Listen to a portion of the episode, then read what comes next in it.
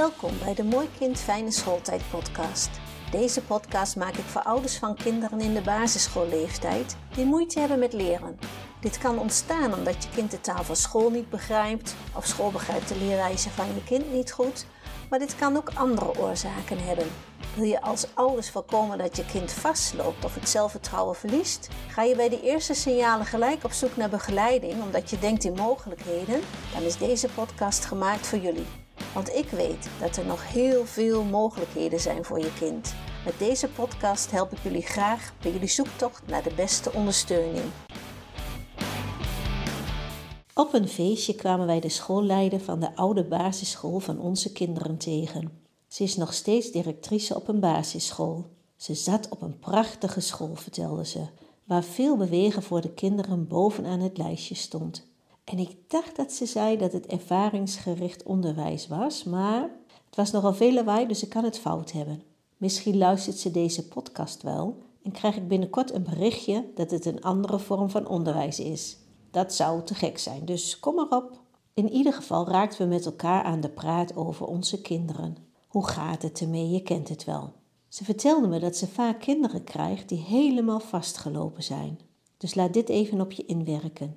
Je hebt een basisschool en daar komen kinderen die op een andere school vastlopen. Dat kan, hoor ik je denken, want waar de een zich geweldig bij voelt, krijgt de ander het er niet voor elkaar.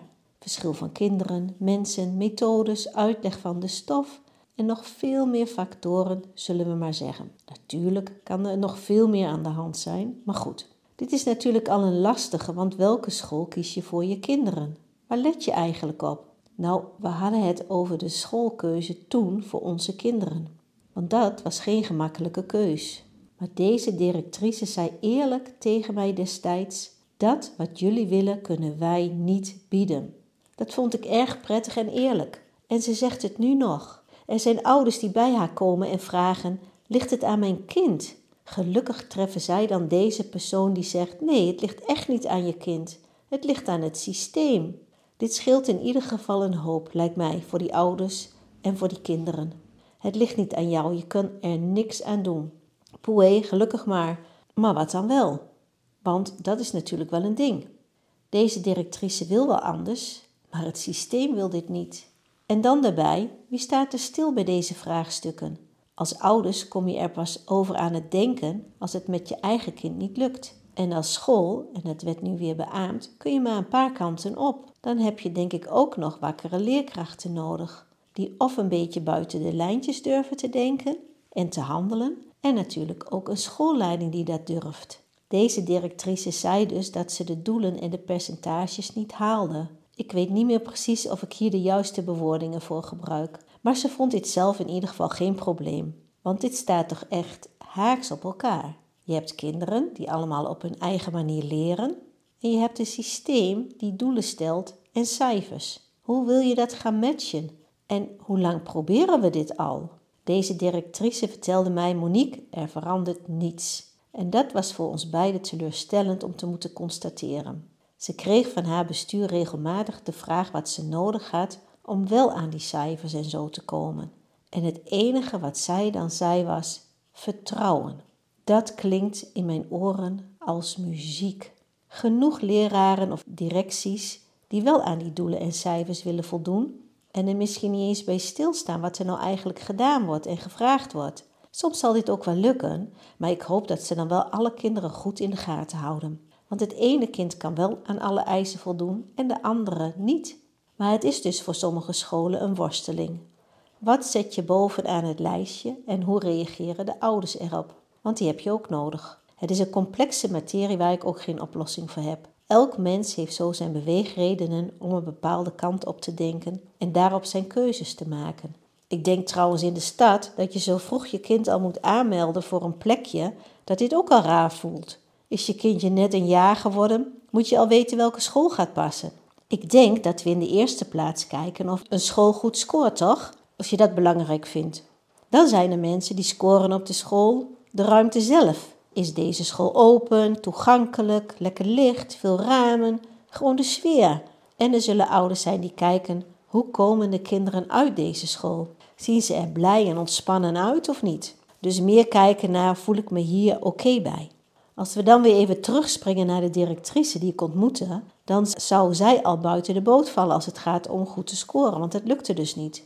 Maar moeten we dan ook gaan kijken naar wat goed scoren is en wat daar bovenaan hoort te staan? Dan is het belangrijk om te weten wat kinderen nodig hebben om te kunnen leren en te scoren. En dat is wat er misschien aan ontbreekt voor zowel de ouders als de leerkrachten. Ik moet wel een beetje oppassen, want ik weet zeker dat dit niet voor iedere ouder en ook niet voor iedere leerkracht geldt. Misschien is het verstandig om je van tevoren te gaan verdiepen in de psychologie van het jonge kind en ook informatie in gaan winnen over de lichamelijke ontwikkeling van je kind.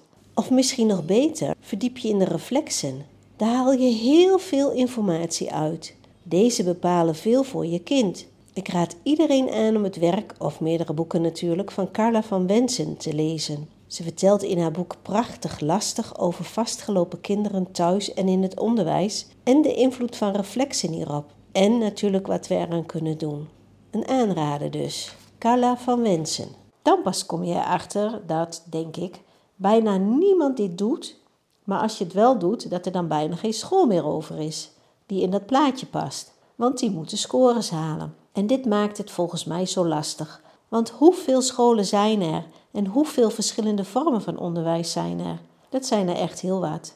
En dan nog staat of valt het ook weer vaak met de mensen die op die school werken en het bestuur die er vorm aan geven. Kijk, in een gezin heb je al grote verschillen in ideeën, opvattingen en overtuigingen. En zo, maar dat is ten eerste een veel kleinere groep. Dat wil niet zeggen dat het soms ook zoeken is naar de juiste aanpak en naar iets waar iedereen tevreden mee is, maar vaak is toch iedereen betrokken en kan je het ook klein houden. Je hebt verder soms nog met wat familie te maken die ook zijn of haar mening geeft, of de buren, maar daar hoef je niets mee te doen. Dat mag, maar hoeft niet. Behalve natuurlijk als de buurt last van je beslissing krijgt. Dan is het handig ze er wel bij te betrekken. Maar over het algemeen kun je in het klein makkelijk beslissen en ligt de verantwoordelijkheid bij de volwassenen. Moet er iets op schoolniveau besloten worden? Dan is het handig als het team het met elkaar eens is. Het bestuur, de ouders enzovoort. En zoals we weten heeft ieder zijn mening en normen en waarden. Ik geef het je te doen. Dan heb je ook nog rekening te houden met alle regels. Bijvoorbeeld omtrent veiligheid.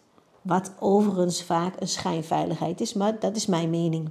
Hier heb ik wel een mooi verhaal over. Ik werkte zelf nog op een basisschool en we hadden uiteraard een schoolplein. We hadden ook van die koprolstangen, herken je ze nog? Drie op een rij, van klein naar groot in verschillende kleuren.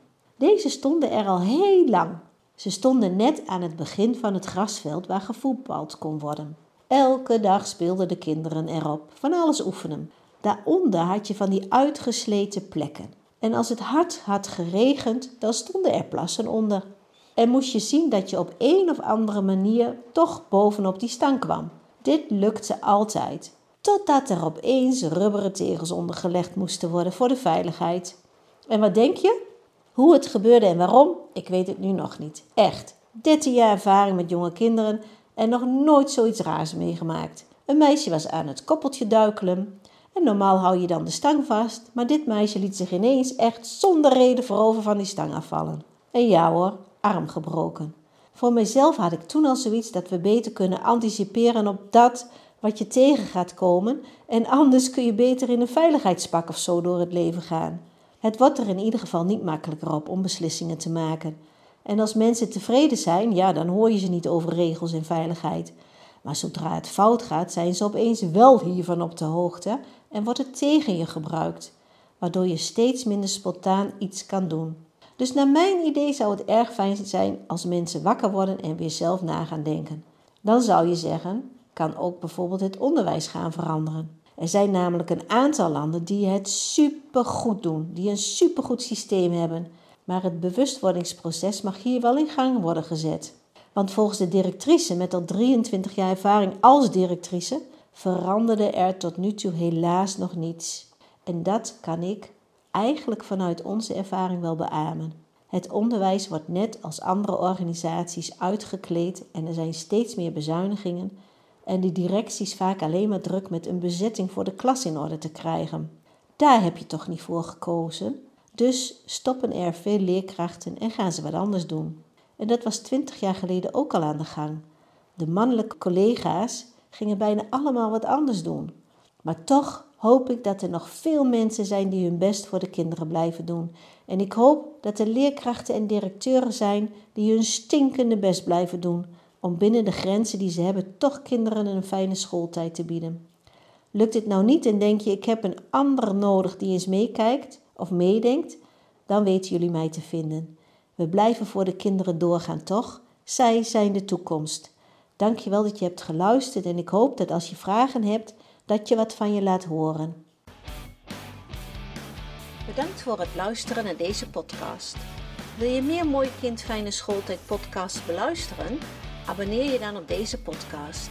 Luister je via Spotify, klik dan op volgen en op het belletje, dan krijg je een bericht als de volgende podcast er is. Vertel ook anderen over deze podcast. Heb je aanvullingen, ideeën of tips, dan hoor ik dit graag. Je kan met me in contact komen via Instagram of LinkedIn. Een mail sturen kan ook. Stuur deze dan naar info.eigenleerweg.nl En natuurlijk mag je ook een review achterlaten. Heel graag tot de volgende aflevering.